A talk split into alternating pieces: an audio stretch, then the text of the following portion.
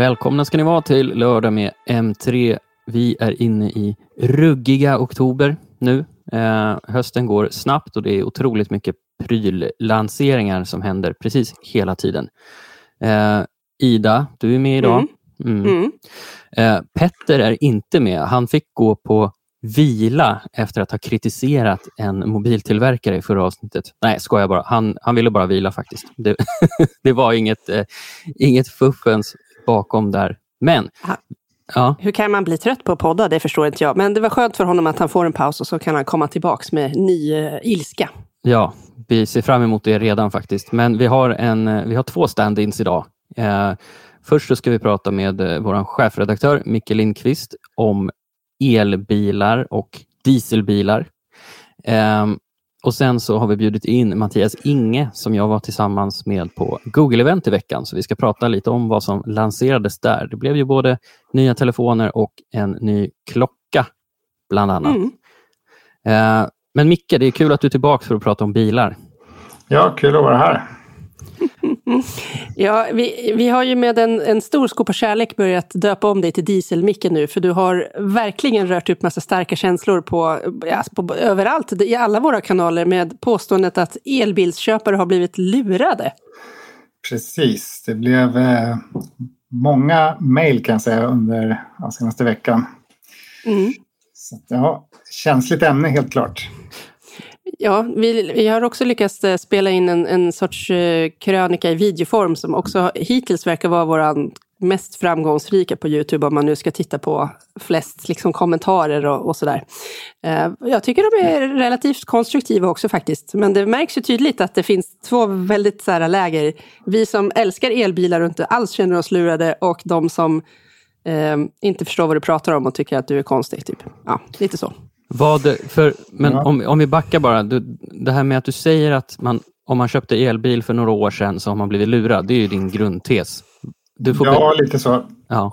Jag kan säga att det började med, eller började, men jag, jag körde en ny Mercedes laddhybrid som då hade dieselmotor och elmotor. Och en väldigt intressant bil för den hade större batteri än de flesta laddhybrider och den går ju dessutom att ladda Eh, via likström och DC, snabbladdning. Eh, vilket gör att den, den är väldigt unik och väldigt, var väldigt bra, tänkte jag. Så att jag gav mig ut på långresa med den här bilen och tänkte gud vad bra, nu kan jag passa på att ladda lite när jag tar lunch och sådär. Och, och spara lite pengar tänkte jag, men så blev det ju inte. Utan det blev ganska tydligt att när jag stannade på en sån här snabbladdningsstation så blev det ju dyrare än om jag lät bli och ladda och bara körde på diesel. Och det var ju riktigt tråkigt, men, men så var det med den bilen. Och det var lite där, där jag kände att det här måste jag ju... Eh, ja, det här, det, var, det här måste jag skriva någonting om, för det här, det här är riktigt illa. Men när spotpriset på el ligger på så här 20 öre kilowattimmen ska jag betala 8,70 per kilowattimme när jag står på en Ionity-station. Liksom. Det är ju skandal. Varför är det så? så var Ja, lite- det låter, eh, det låter smärtsamt faktiskt. Ja, alltså kunna köra 10 mil på batteri är ju helt fantastiskt i en laddhybrid. Men eh, det blev faktiskt dyrare än om jag hade skitit i att ladda helt och hållet och bara kört på diesel hela vägen. Eh, det, det rimmar ju dåligt med eh, den här liksom, tesen som pågår i samhället i stort nu, att alla borde byta till el. Ja, för att alltså, hela grundidén där med att jag, jag tycker att man har blivit lurad. Det gäller ju inte alla naturligtvis, men en, vi skulle ju alla gå över till el, elbilar. Det har varit väldigt tydligt med alla former av subventioner och ja, det, det är supertydligt. Vi ska förbjuda alla alternativ så småningom här. Mm. Och då har man ju börjat med att locka in att ja, men du får bonus här, här och du slipper biltullar och du kan parkera billigt. Och det är så mycket billigare att köra på el än på bensin och diesel. Och sen har man liksom gradvis tagit bort de här perksen och eh, ja, det är ju inte billigt heller att ladda om du då inte kan ladda hemma. Eh, vilket det faktiskt är väldigt många som inte kan. Om du bor i lägenhet eller om du inte har möjlighet att ladda hemma när elen är billig, ja, men då blir det ganska dyrt faktiskt. Förutom då den här detaljen att eh, själva elbilen i sig är betydligt dyrare fortfarande att köpa eller leasa jämfört med en fossildriven bil. Så ja, och inte bara det, de kostar ju också en hel del att försäkra. Och du var inne på ja. en väldigt viktig poäng här om, om däcken som jag inte ens hade tänkt på. Nej, det var nyheter för mig också. Ja, nej, men det, det där är... Alltså däcken slits mycket mer på en elbil. Eh, just för att elbilen är väldigt tung och eh, du får en, en helt annan liksom, direkt verkan med en elmotor. Eh, det blir alltså start och stopp blir, blir tydligen ett ökat slitage. Jag har inte ägt en elbil själv, jag har testat liksom, veckovis och sådär men jag har sett flera undersökningar på det där som visar att det är ett högre slitage vilket också drar upp priset då för att äga bilen. Jag som kör en elbil väldigt ofta kan ju också känna att jag har lite mig själv att skylla för att jag tycker det är så kul att liksom snabbt accelerera. Så då klart att man sliter på däcken extra ja, mycket ja. förmodligen. jo, och, och, jag vill bara tydliggöra att jag tycker elbilar är jätteroliga att köra. Jag vill ju hellre köra på el än på bensin, diesel när jag har en laddhybrid för det är behagligare, det är tyst och du får väldigt direkt respons i liksom gas och sådär det skaver just det att det blev inte så där billigt som de har pratat om från början och, och som, ja, som jag tror att väldigt många trodde. Utan det är rätt dyrt ändå, eh, vilket är jättetrist för att det är ju det är andra fördelar liksom. Ja, det, det, finns ju klart eh, folk som, eh, som också hört av, av sig mängder då såklart, som har elbilar, som lyckas ladda billigt hemma för att de bor i villa eller har en egen laddstolpe och kan välja lite hur de laddar och sådär. Och kanske inte kör så himla mycket långresor heller nödvändigtvis. Jag vet inte. Nej. Jag tycker själv att det inte är superdyrt rent per mil att köra våran elbil. Däremot var ju elbilen väldigt dyr att köpa in och allt sånt där. Så att den är ju absolut eh, dyrare än våran gamla, det var i och för sig en bensinbil, men ändå, den, den hade varit billigare att äga och ha än så länge. Jag tror att man ska eh, liksom använda den här elbilen under väldigt lång tid för att det ska börja bli rimligt, tror jag. Ja, precis. Och sen, sen finns det ju, jag menar räckvidden är en sån där grej som jag som har eh, alltså bor i Stockholmstrakten och har ställe uppe i Västerbottens inland. Det är inte optimalt liksom för mig att sitta köra 70 mil med elbil fram och tillbaka. Men som en andra bil, eller som, som min, min, fru som kör kortare sträckor, där, där har jag liksom funderat på att det kanske vore bra liksom för, för de behoven. Men sedan vi fick bärga en, en Kia Niro här för var det i, det. förra året. Min, min fru var ute och körde och liksom blev stående längs en mörk skogsväg en, en kväll, en fredagkväll. Jag får ju inte henne att köra elbil efter det. Liksom. Det går inte. Vad var det som hände då? Nej, det var fel på batterikylningen som gjorde att bilen tog inte laddning. Så den hade inte laddat på, på dagen när, hemma då som den skulle. Så hon körde iväg och jag sa men det är ingen fara, det, det går att ladda där vid i Norrtälje. Liksom. Jag hade sett ut en stolpe åt den och allt. Jag laddade inte där heller. Så hon skulle då köra hem och chansa. Det var precis liksom batteri kvar hon skulle ta sig hem visade då mätaren men det, den visade fel så att ja, det blev bärgning helt enkelt. Två gånger dessutom av bilen eftersom vi inte fick förklarat vad, vad som var fel utan den tog inte laddning helt enkelt. Ett äkta elbilstrauma. Ja, det har ju varit, några, det har varit några sådana liksom, genom åren jag har testat elbilar. att det, det, är inte så enkelt och problemfritt som man tror. Jag menar, bilen jag testade nu som jag lämnade idag, den, tre gånger hände det när jag körde att den stora skärmen i mitten bara slocknade och startade om. Och det är så här, då kunde jag inte styra klimatanläggningen. Och, och jag var med om min Tesla att jag inte ens kan se hur fort jag kör för att eh, det buggar liksom i mjukvaran. Så det, här, det här argumentet att en elbil är så mycket mindre som kan gå sönder och slipper byta olja och sådär. Jo, men det, det, är faktiskt andra problem med mm. de här bilarna som man bör vara medveten om. När man läser din krönika, den är, jag tycker att den är ganska nyanserad, och, eh, men också det här kortformatet då, som videon på Youtube är, den är väl en och en halv minut eller någonting. Om man lägger ihop det här, det är ganska lätt att få intrycket att, att du hatar elbilar, men riktigt så är det väl inte? Inte alls. Det är eh, fantastiska bilar. Alltså, väldigt trevliga att köra, väldigt moderna, väldigt, alltså väldigt mycket nytänk och jättehärligt att inte släppa ut massa avgaser efter sig, absolut. Eh, det är bara att det är väldigt, jag känner att det är väldigt liksom uppdelat. Antingen älskar man elbilar och har gått all in och, och kanske har solpaneler hemma. Eller så, så hatar man dem. Liksom. Det, det där är, jag tycker det, det saknas lite det här eh, mitten, att man kan se både för och nackdelar med det. Eh, för det, och, och, en nackdel är ju tyvärr att det är väldigt dyrt fortfarande. Ja, mm.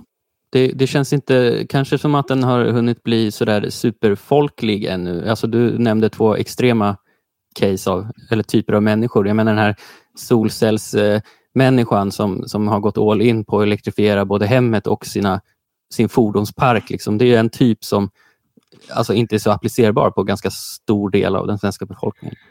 Nej, bor du i lägenhet och inte har möjlighet att, att ladda hemma, ja, men då måste du åka ut och ladda på en sån här eh, recharge eller någon, någon liten stolpe någonstans så, som betalar 5, 6, 7 kronor kilowattimmen ofta. Man kan kanske komma ner i pris lite grann om man engagerar sig väldigt mycket och skaffar några abonnemang eller appar och inloggningar hit och dit, eller hur? Absolut. Men hela, hela den där grejen också med alla appar du ska ha. Och, och det är ju totalt kaos i den här alltså, mm. laddinfrastrukturen. Jag har laddat på så många olika ställen i liksom hela Sverige. Och bortsett från Tesla och Ionity, de här två stora laddnätverken som alltid funkar. Liksom, så ja, men det är typ så här, minst en tredjedel av alla mindre laddstolpar jag söker upp, då är det något fel. Det funkar inte att ladda. Liksom. Det, det, det, ska man då passera någon liten håla liksom i, på vischan, du måste ha en plan B och en plan C. I alla fall känner jag mm. så när jag ska ge mig ut på lång resa. Jag har ett antal gånger att fått stänga av värmen och sitta i pälsmössa liksom och frysa för att jag hoppas hinna fram till nästa laddstolpe eftersom den där jag hade siktat på inte var igång. Och det är inte okej, okay. det funkar inte att ha det så. Liksom. Jag har eh, något vagt minne här av att eh, vem, det är någon myndighet som gav ut massa bidrag för att vi skulle bli laddstolpar överallt och, och då främst uppe i, i Norrland antar jag, där det kanske var längre emellan laddstolpar. Eh, och att de bara gav bidrag för att faktiskt bygga laddstolpar, men sen själva driften av laddstolpen ska ju då, eh, liksom det man laddar för, täcka upp. Och om man då har en laddstolpe, inte vet jag, mitt i Norrlands inland så kanske det inte kommer så himla många elbilar och laddar och då blir blir det ingen vinst för de som försöker ha dem där och laddpriserna lär ju också bli påverkade eftersom de behöver ta ut mer betalt antagligen. Så det känns ju som att, som du var inne på också, att, att våra politiker har en väldigt eh, mystisk eh, eh politik kring det här. För att eh, ja, om man nu vill att alla ska köra el så skulle ju, är det ju nätverket, infrastrukturen som är det viktigaste på något sätt. Ja, och det är inte nytt. Jag menar, vi, vi har haft elbilar rätt länge nu. Liksom. Det måste hända någonting nu. Mm. Det, här, det här håller inte. Och just de här höga priserna också på de här snabba stationerna tycker jag tydligt visar att det är för dålig konkurrens. Mm. Ja, det är ju långt ifrån så allmängiltigt som det är eh, med nät, infrastrukturen som finns kring bensin och diesel, att man kan åka in på nästan vilken mack som helst. Man behöver inte ha några abonnemang och tjänster och grejer, bara tanka och sen är man klar kan åka vidare. Ja, jag såg en jämförelse där om man skulle Alltså det, det, är ju, det är ju en del försämringar man får, får ta som elbilsägare, helt klart. Just det här med räckvidden och eh, om man skulle jämföra om du ska ha en elbil som kommer lika långt som du kommer på en 60 liter diesel och du ska kunna tanka eller ladda lika snabbt. Alltså det, blir, det är inte liksom det är inte realistiskt. Då snackar vi många megawatt du måste ladda i och eh, liksom fem ton batteripaket i bilen. För det, grund, grunden är det enkel fysik. Om man tittar på eh, alltså energitäthet. Och, och, så, alltså ett stort batteripaket på många hundra kilo en elbil, det, det innehåller ungefär lika mycket energi som typ 3-4 liter bensin eller diesel. Liksom. Det går liksom inte att komma undan utan det, det, är, det innebär ju kompromisser, helt klart, och en annan typ av eh, beteende. Det funkar mm. jättebra i storstäder, absolut, som pendlarbilar och sådär. Men men jag tror det här att gå all in och säga att nu ska alla bilar elektrifieras. Husbilen, lastbilar, allting. Liksom, det kommer liksom inte funka. Inte inom en väldigt... Alltså, snackar vi långt fram tror jag. Och då, då är det synd att det ska bli så där polariserat. Det är antingen eller. Jag tror vi kommer behöva leva med båda de här biltyperna parallellt under ganska lång tid. Mm. Du var också inne på en eh, ganska spännande grej som jag inte heller hade tänkt på. Det är ju om man kör runt med en släpvagn eller en husbil. Nej, husvagn heter det. Att man inte då kan bara svänga in någonstans och ladda så himla enkelt. För att åtminstone alla laddstolpar jag stannat vid, där ska man så backa in sin bil mot en kant och så. Där får man ju inte plats med något släp och sånt. Nej, precis. Det är ju det finns en del stationer, en del Tesla-stationer och sådär som det funkar om du blockerar en plats till. Vilket ju inte lär vara sådär populärt när det står laddnödiga Tesla-ägare där och gnäller när du börjar närma dig 80 procent liksom, mm. eh, redan idag. Så att, nej, det, det är jätteknöligt. Eh, och det är ganska många husvagnar som rullar liksom sommartid, det vet vi ju. Så det finns mm. ganska många sådana detaljer som jag känner att det snackas aldrig om. Liksom. Nej. Du var också inne på en annan väldigt bra poäng och det är om jag nu köpte min elbil för, inte vet jag, två, tre år sedan, eh, så andrahandsvärdet, hur är det med det? Det har gått lite upp och ner. Nu, nu är ju liksom hela branschen lite väldigt förändring med, med räntorna som har stuckit och sådär. Innan dess var det ju komponentbrist. Och, men eh, alltså eftersom utvecklingen går så fort framåt och batterityperna blir eh, förbättrats så att till exempel det här att du inte behöver eh, ladda bara till 80 procent större delen av, av, tiden för att hålla batteriet fräscht. Jag menar, vem vill köpa en, en gammal eh, elbil, tänker jag, om sådär, som har gått i 6-7 år som, som eh, där batteriet börjar bli sämre och framförallt när det har kommit så mycket nytt och bättre. Så det, det har blivit lite mer sådär, tycker jag, slit och släng att man, man, räknar på att man har en elbil i tre fyra år på leasing och sen bara byter man. Mm. Um, det är, klart det är inte så miljövänligt. Nej, utan man kan ju fundera på om jag kan behålla min bil några år till. Kanske det är. Det har också sina fördelar. Men eh, andrahandsvärdet, jag såg att i början av året här så hade det ju just på elbilar sjunkit en aning. Men det var väl också eftersom Tesla sänkte sina priser rätt radikalt påverkade ju hela branschen. Liksom. Mm. Ja, just det. det. det. är många faktorer, men just den tekniska snabba utvecklingen på området gör ju att det är klart det kommer påverka andrahandsvärdet. Mm. Det är väl eh, inte så många som eh, har kört elbilar så himla länge att det börjar bli aktuellt att fundera på att byta sina batterier, men det lär ju vara en eh, dyr historia. Ja, då snackar vi liksom några hundratusen har jag läst som, som i, i, värsta fallen. Då. Men, mm. Och det är klart, nu tror jag att batterierna kommer hålla rätt bra. Så där, men det som, som är lätt att glömma också är själva kvaliteten i övrigt på bilen. För att, eh, det är ju så elmotorer har ju betydligt högre, eh, alltså är effektivare, du får mycket mindre förluster och mindre rörliga delar och det är massa sånt. Men titta på andra delar som kan gå sönder som mjukvara och liksom, alltså om batteriet skadas blir det svindyrt.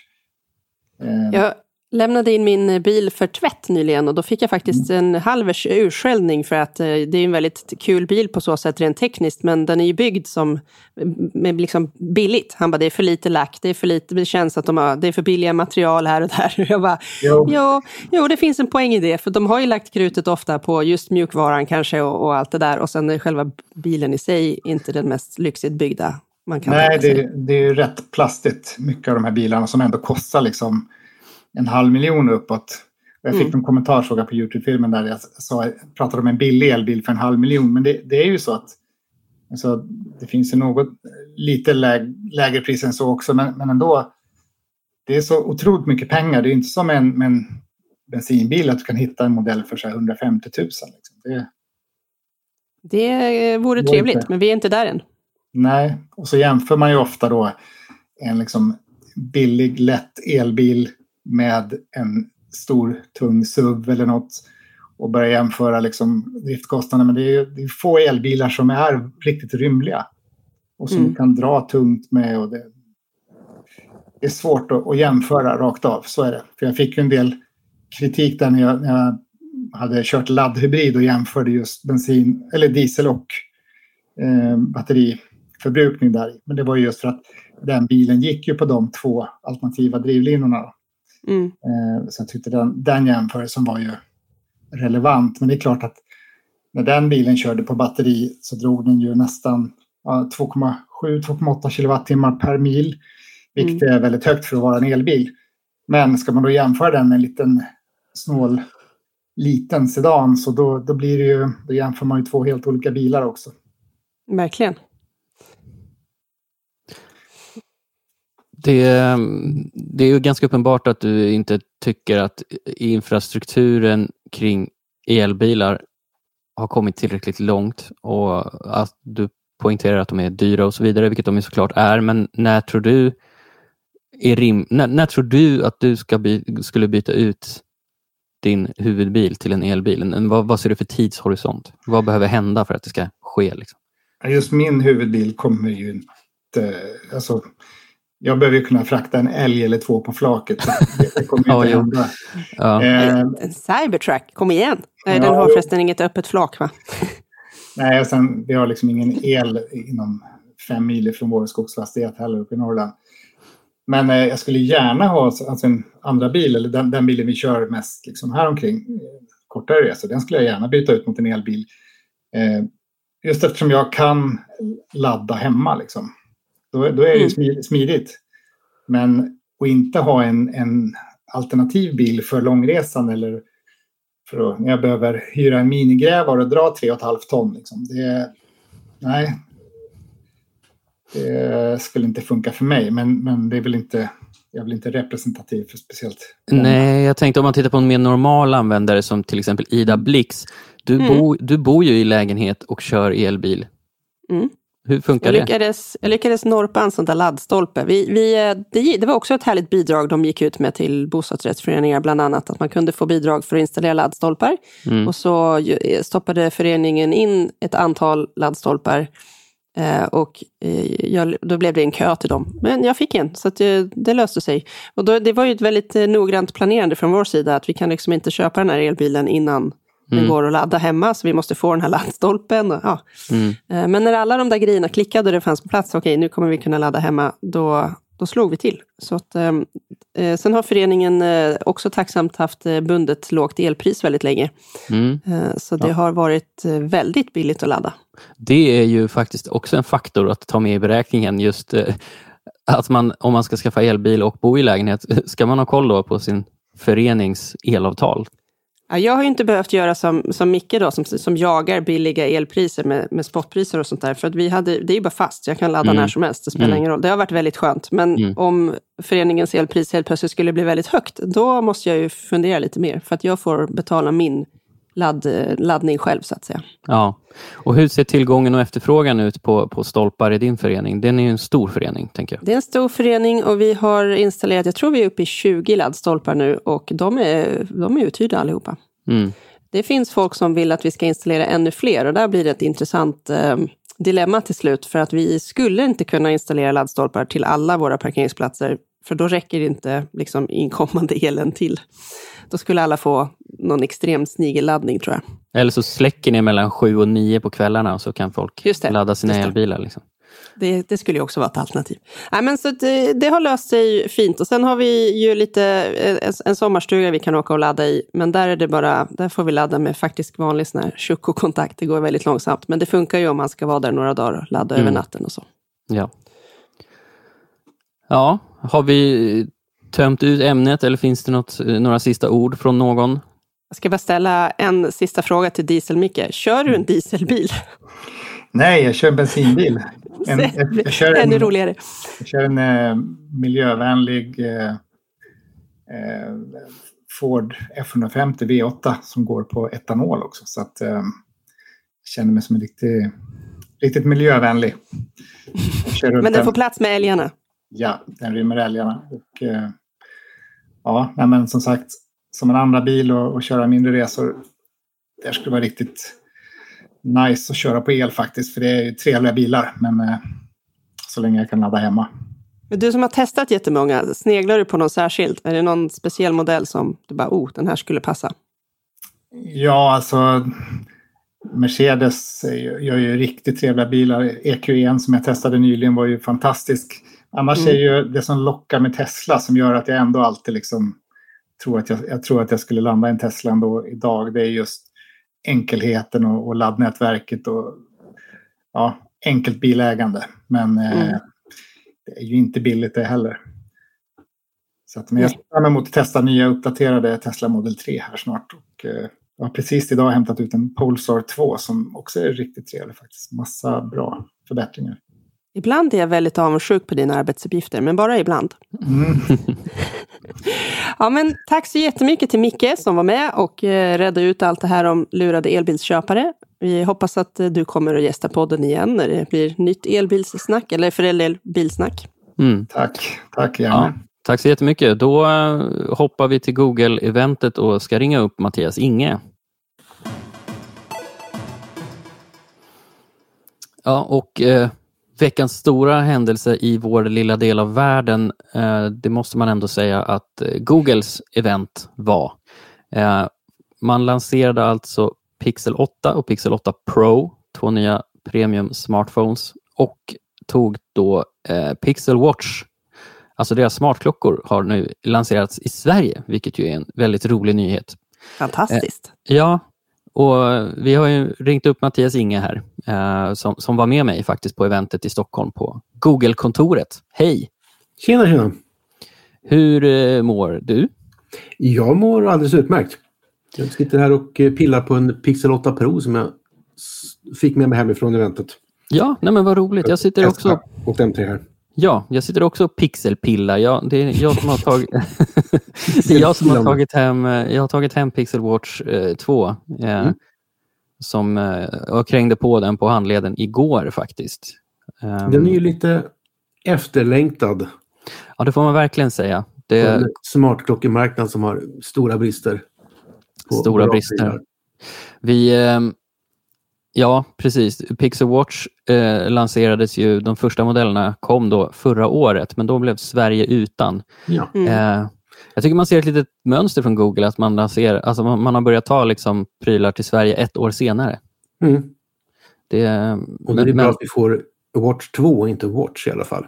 ja, för så har, Ja, de ju gjort, faktiskt. så så har de ju gjort vid vissa tidigare tillfällen. Jag har för mig att de gjorde det med sina eh, wifi-enheter till exempel. Mm. um, Nest Wifi, då fick vi den här första, de här burkarna, eh, när det kom till Sverige. Medans, De bara, Ma- vi har ett restlager, vi pytsar ut den på en ny marknad. Det är inte Ja. snällt. precis. Ehm, nej, men vi var där, vi var på plats. Det var ganska bra uppslutning tycker jag. Vi fick sitta och titta på direkt, direktsändningen som då eh, var från New York. Mm.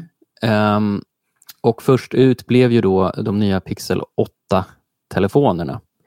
Vad, eh, du som ändå har hunnit pilla lite, alltså vi får inte, vi får inte publicera några tester och sådär ännu, men vi har ju prylarna inne så att säga. Men man, man kan ändå dela med sig av liksom hur den känns. Typ.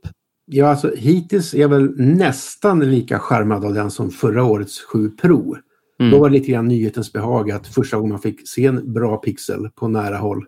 Mm. Och det är mycket som är sig likt så att eh, nyheten finns riktigt, inte riktigt där längre på det sättet. Eh, lite men inte mycket snabbare högre prestanda om man säger så. Det är däremot mycket snabbare AI-funktioner. Det är något som eh, Google också nämnde under presentationen att eh, den här neuralprocessorn, eller vad den heter i den, har fått en rejält biffig uppgradering. Mm. Och det märks också vissa funktioner runt kameran och så. Som, Mm. eh, Där den jobbar mycket snabbare. Jag vet inte om resultatet är bättre, men den är mycket, mycket snabbare än förut i alla fall. Ja, vi, vi får inte utvärdera så mycket om telefonerna ännu, men om det, det här är ju saker som Google självt har sagt. Eh, att, eh, vad, vad var det nu? De här språkberäkningsmodellen skulle vara typ tio gånger snabbare än i Pixel 7 tror jag. Tio gånger mer komplex kanske det var, rent utav. Alltså att den är mer Ja. avancerad också på något vis. Men Mm. eh, jag har en liten fråga. hållet. Det är däremot inte funktioner som vi kan se i Sverige så mycket av än. Nej. Ja, just det. Utan Det är alltid också den Många av detaljen. de funktionerna som eh, nämndes är också sånt, sånt som även från Google och internationellt eh, titul- titulerade som framtida feature drops som kan komma under hösten eller under vintern och så vidare. Mm. Så att allting är inte igång än, men det är lovande. Mm. Vad hade du för fråga Ida? Jo, ehm, jag, fick, jag fick för mig här att man liksom redan visste ganska mycket om pixeltelefonerna innan Mm. eventet. Var var det med flit eller var det läckor? Alltså, har de redan berättat saker innan eventet eller eh, har det läckt allting innan eventet? Alltså, Både och kanske. nej, ja, de har ju inte berättat speciellt mycket. Eh, Men de går ju- ändå ut med lite bilder och sånt, gör de inte det på sociala medier? Att man liksom så får se lite grejer och detaljer Det- och sånt. Jag skulle nog säga att det är mer, merparten läckor faktiskt. Eh, Mm. och något som läckte innan var ju den här otroligt läbbiga, enligt mig, då, funktionen som heter Best Take. Och den är Eh. fruktansvärd. ja. Ehm, det är alltså Best Take, hur ska man beskriva det? Det är ju en AI-funktion. Som, Men vi, vi vet ju alla hur svårt det är att fota typ en familj där alla ska se, eller liksom, alla ska se glada ut kanske. Och så ser det alltid någon som ser lite, jag vet de blundar eller de såg inte glada ut. Eller, jag vet. Då, Mm. då kunde den där funktionen så här, du tryckte på det ansiktet som du ville och så blev det så här Hollywoodifierat med ett leende. Och det såg bara jätteläskigt ut. Ja, det är som någon slags perverterad eh, face swap. Eh, det är inte face swap, men alltså det, det ser ju pretty onaturligt ut måste jag säga. När de använder- Väldigt, än när så de länge. när de demonstrerar den här best take-funktionen. För man får ju ett gäng bilder att välja mellan liksom, och så kan man välja, eh, ja men där ler alla utom en och då byter man ut mot ett leende från en annan bild då, i samma bildserie. Eh, Mm. va, mm, Det är i alla fall en bild på personen när den log. Det är alltid ja, det inte är ja så det är inte, det är inte fake, utan men, men det är ändå, man förvränger sanningen eller vad man ska säga. Puttar lite grann. Istället för att hålla på med Photoshop så gör den det åt en själv. Mm. Och om man jämför då med ett företag som Apple som, som ju inte pratar om AI på det sättet, Mm. så Google pratade ju bara om AI i stort sett. Eh, och de skämdes inte heller för eh, det här, ja, men typ sådana här best take-funktioner och eh, Magic Eraser, hur de förbättrar det, att man ska kunna dra och släppa objekt i bilder och sudda ut saker man inte vill ha där och så vidare. och så vidare. Men det, det, jag tycker det är jätteintressant att se hur, hur olika syn de har på den här typen av funktioner, Google och Mm. Apple. Absolut. Ja, det kunde inte vara mer annorlunda. Men det, jag, jag, det här kanske var från Google I.O. i och för sig, men det jag uppskattar med Google är att de åtminstone lyfter upp att det finns eh, nackdelar med det här. De var väldigt noga med att ja, men vi måste se till att det är tydligt märkt vad som är AI-genererat och inte så att man liksom, vi, vi är inte ute efter att lura någon och sånt där. Jag, jag tänker att det är en viktig diskussion att ha samtidigt som man lanserar alla de här äh, funktionerna för att få alla att se glada ut i bilder eller för den delen bara generera bilder från ingenting. Liksom. Mm. En AI-röst som kan svara i telefon åt dig. Som en väldigt intressant funktion som de demonstrerade på prestationen också. Ja, det var, Kanske är det jag behöver för att börja svara i telefon. Jag vågar liksom inte när det ringer i min telefon. Jag Alltså- bara ignorerar den tills den slutar ringa. nu kommer jag inte ihåg vad den hette exakt, om det var Call Assist eller Det var Call Assist, precis. och sen någonting med Call Screen också. Mm. Eh, men Call Assist, alltså, de demonstrerade ju det även på den svenska... Alltså vi, vi fick ju se hur det fungerar eh, och det släpps ju inte här än då. Eh, Mm. Men, vilken Men fantastisk... Screen finns väl redan. Det är ju bara den här eh, databasen och en liten AI-analys på vad som kan vara Mm, spamsamtal. ja. Mm. Men alltså, i vissa länder då så kommer Google Pixel 8-användare att få en slags butler som svarar Mm. i telefon åt den. Eh, egen receptionist.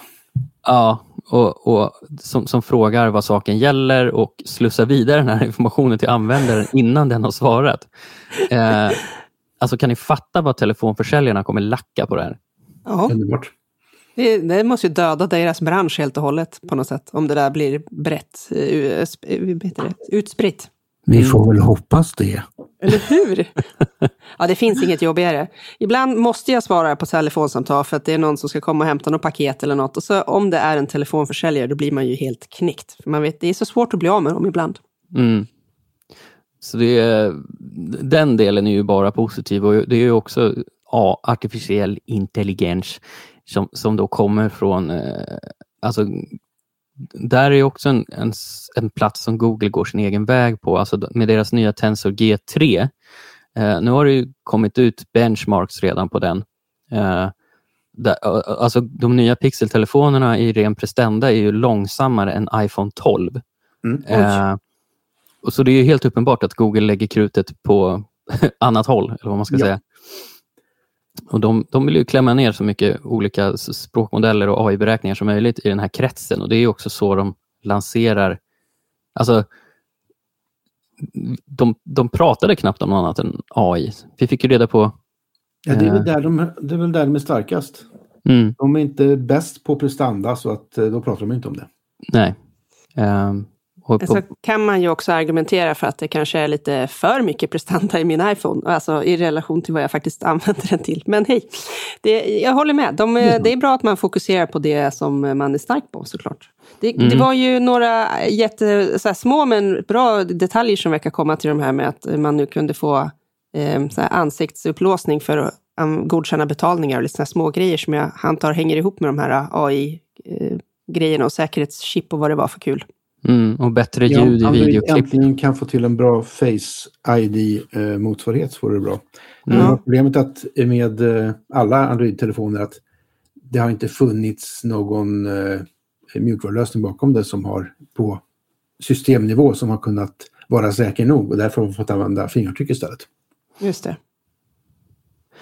Och ja, AI används ju också då i de nya telefonerna för att förbättra ljud och videokvalitet. Eh, samtalsljud som ska, de, det visade de upp ganska imponerande tycker jag med hur de eliminerade bakgrundsljud. Eh, också med, det är alltså den här Magic Eraser som de har använt för bilder men det, det finns, nu implementerar de även det för, för eh, olika ljud. Eh, Det var ju rätt roligt. Jag skulle försöka förpacka liksom en, en nyhet från eventet baserat på vad du, Billy, hade skrivit. Och så Mm. hade du översatt det där till, eh, nu har jag redan glömt vad det var, men något svenskt suddigum-grej. Som, som- magiskt så, suddgummi. Ja, och att det gällde ljud just. Och så var jag verkligen tvungen att fråga dig, eh, stämmer det här verkligen eller har du skrivit fel? Men ja, det är något som tar bort så här brus och bakgrundsgrejer. Och det låter ju helt magiskt, för det är ju det värsta som finns ibland när man har spelat in något och så låter det inte alls så trevligt som man hade tänkt. Mm.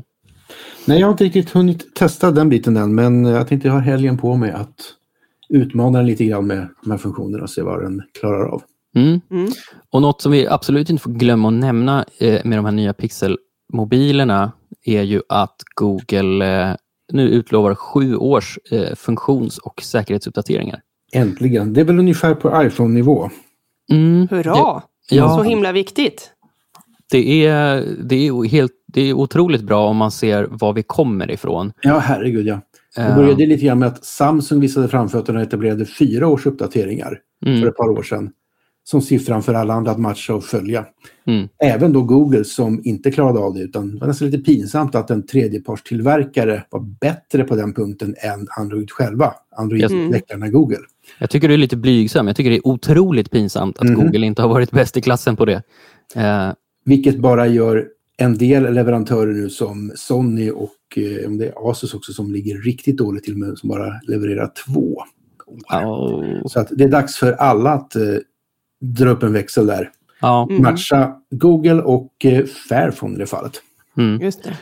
Eh, och det här är ju någonting som det har tryckts på från EU-håll också. Mhm. Eh, de, de vill ju ha fem år eh, Ja. åtminstone, men att eh, telefonerna rent av ska gå att reparera längre än så. Och det, här, det, det har jag också läst någonting om, om att Google ska eh, tillhandahålla reservdelar i så länge. Eh, Mm. Så det här är ju alltså sju år. Jag kan, inte, jag kan inte minnas att jag har behållit en telefon så länge. Jag nämnde också det på eh, presentationen att de partnerar upp med iFixit för Mm. att kunna byta ut dem, åtminstone batteriet själv. just det. Just, snyggt. Så det, det börjar kännas som att vi tillbringar varannan vecka med att skälla på EU och varannan vecka med att hylla EU. Mm. De, de, de gör ju bra grejer. Eh, men just den här uppdateringsfrågan är ju eh, det är så otroligt välkommet. Det, det gör ju att man kanske inte behöver byta telefon lika ofta. Eh, om man till exempel vill ha en särskild, alltså man vill ha senaste Android-versionen eller Mm. känner att ah, men nu kan jag inte använda den här längre för jag får inga säkerhetsuppdateringar. Eh, sju år, det är ju eh, det är längre än de flestas utbytescykel, måste man ändå Mm. utgå ifrån när det kommer till telefoner.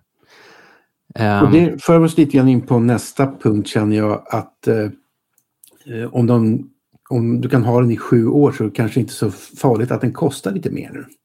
nej, just det. Nu är Priset. ju även eh, Pixel 8 Pro uppe på samma nivå som en eh, iPhone eller en eh, Samsung Galaxy S23 Mm, Plus eller Ultra.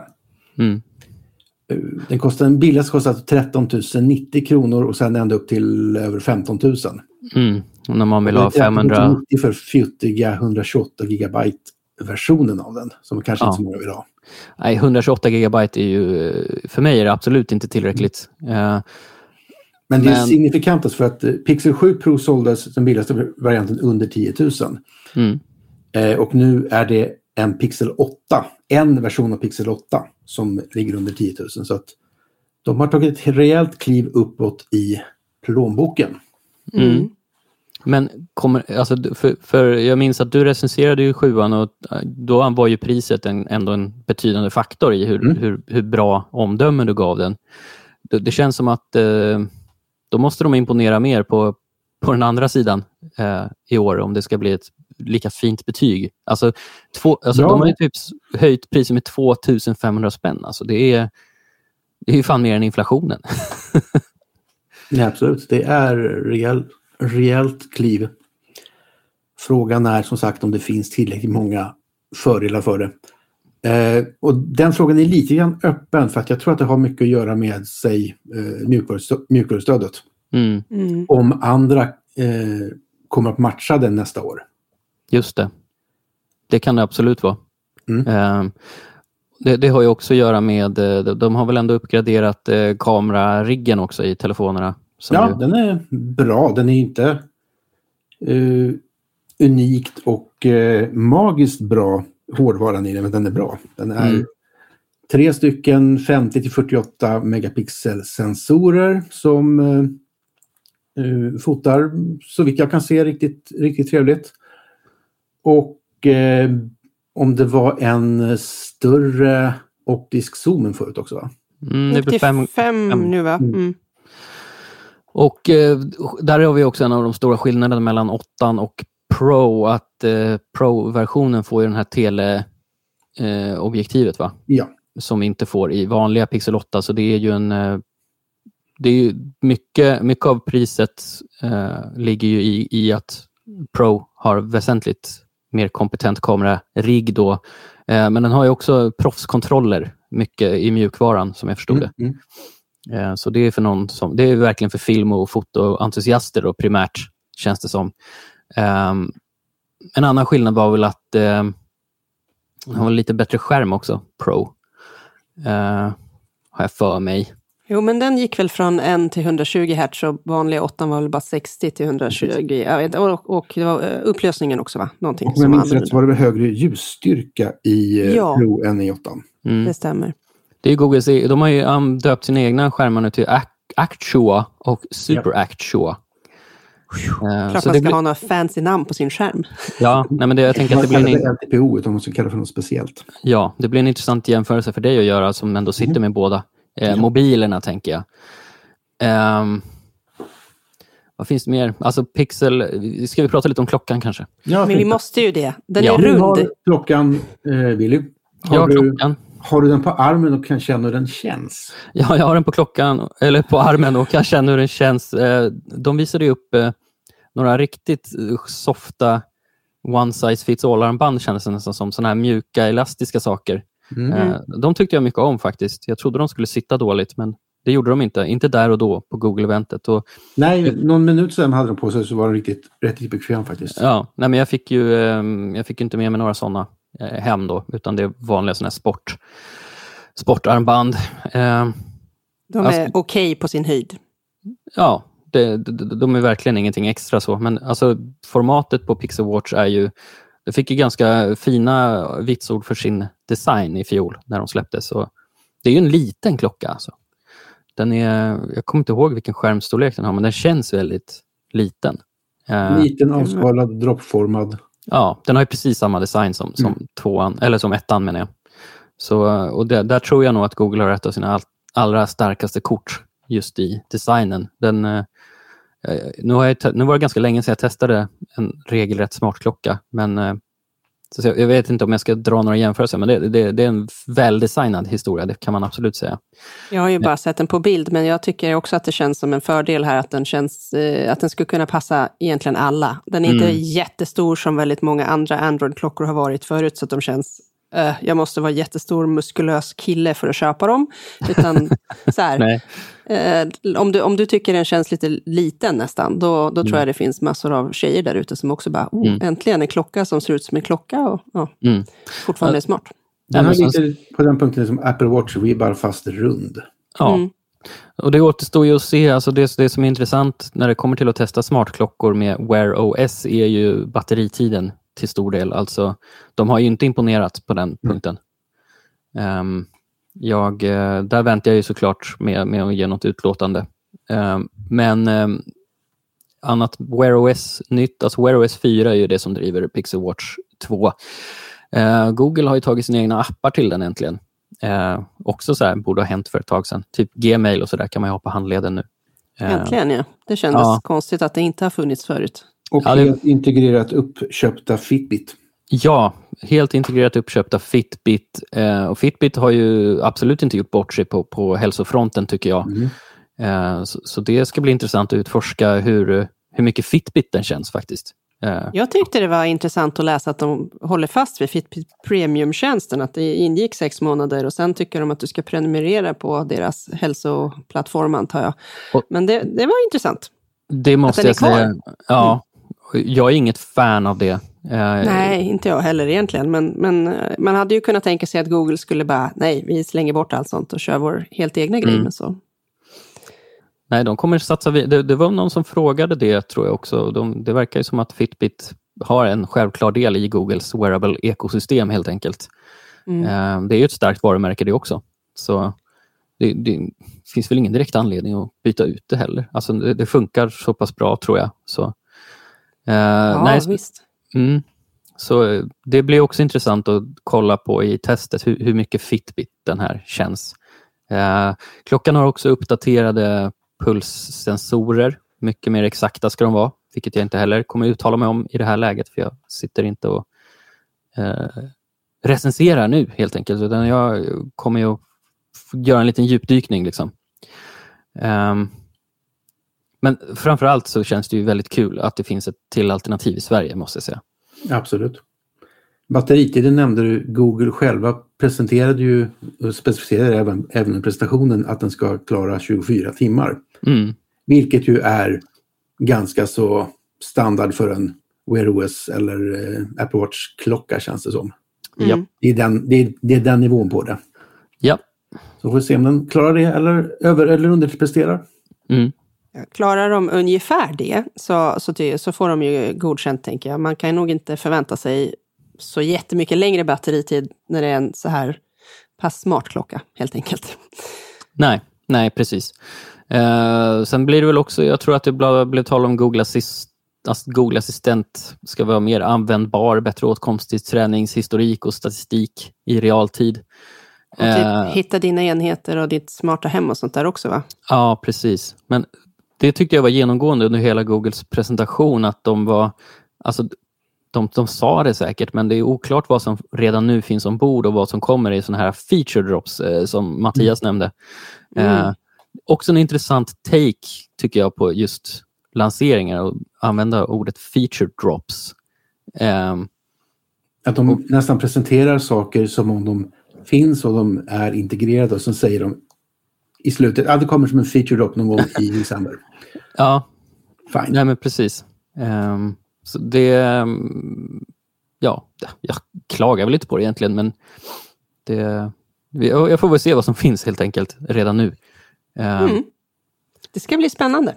Mm. Min eh, första spaning efter att ha publicerat nyheter om de här enheterna på Instagram och TikTok är att folk är väldigt spänn nyfikna på klockan. Lite mm. mindre nyfikna på telefonerna och eh, ja, det är väl lite som sig bör, för telefonerna såg vi ju lite av redan förra året och klockan är nyare. Ja, för oss. Ju, de, premiärerna är ju trots allt premiärer. Av en uh, anledning. Ja. Ge lite pirr.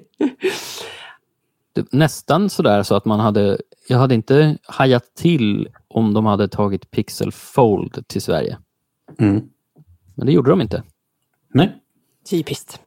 Vi får vänta på eh, Googles första Vik-mobil helt enkelt. Eh, och Sen så blev det en eh, alltså Pixel Buds Pro, deras eh, True Wireless. Mm. Eh, de finns ju redan, men de fick också en feature drop.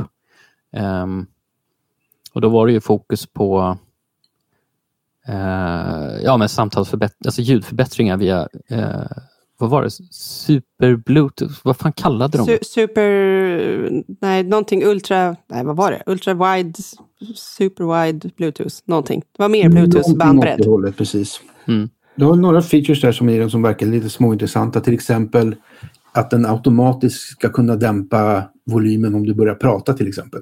Mm. Så att eh, du istället får pass-through för samtal utifrån. Just det. Ehm, Så att intelligenta små lurar kanske.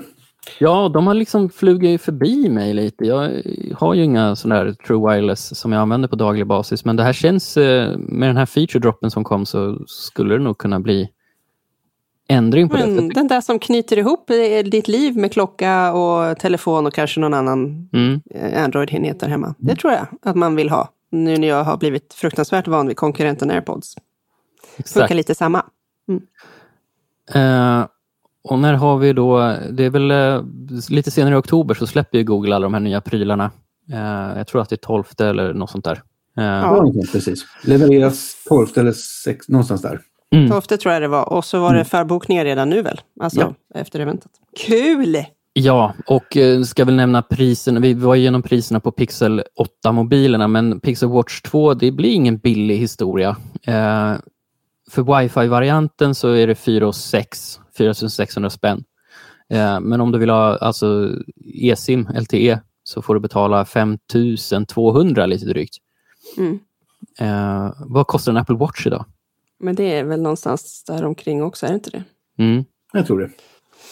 Men då, det, det, det kommer ju vi få läsa oss till sen när du har testat klart om den eh, känns premium nog för en sån prislapp. Helt enkelt så. Precis.